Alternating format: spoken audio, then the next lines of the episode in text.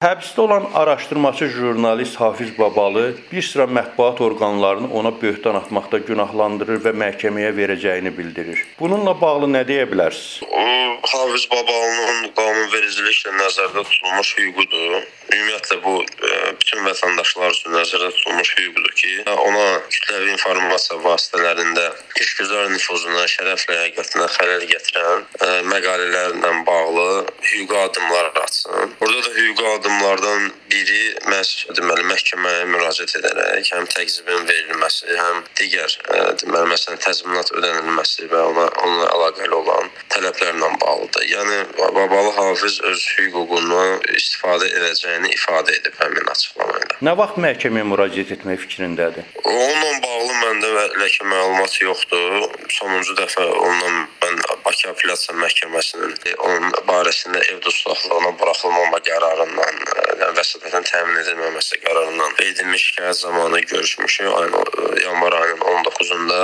yəni onunla bağlı konkret bir söz deməyim mən. Hafiz Babalının səhhəti necədir? O mən bildiyimə görə ikinci qrup əlildir. Üçüncü qrup əlildir, bəli. Göz gözündən üçüncü qrup əlilliyi var. Belə deyə də davam edən bir daha doğrusu fəsaddır. Yəni indi aydın məsələdir ki, qapalı şəraitdə yəqin ki, onun gözü ilə bağlı, ə, gözünün tibbi baxımdan fəsadları ilə bağlı məsələ mümkündür ki, daha da şiddətlənsin. Amma sırf səhhətin səhhətində səhhətində hər hansı bir problemin olması ilə bağlı mənə bir söz deməyib.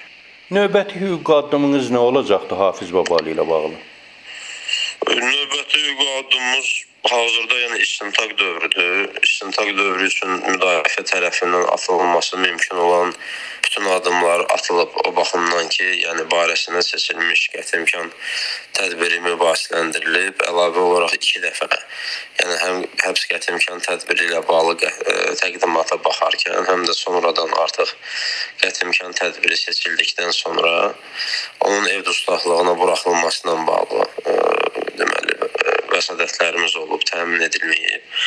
Hazırda yəni istintaqın gedişindən asılı olacaq. İstintaqın hansı deməli prosessual addımlar, hansı istintaq hərəkətləri etməsindən asılı olaraq biz ona uyğun müdafiə işimizi qurmuş olacağıq.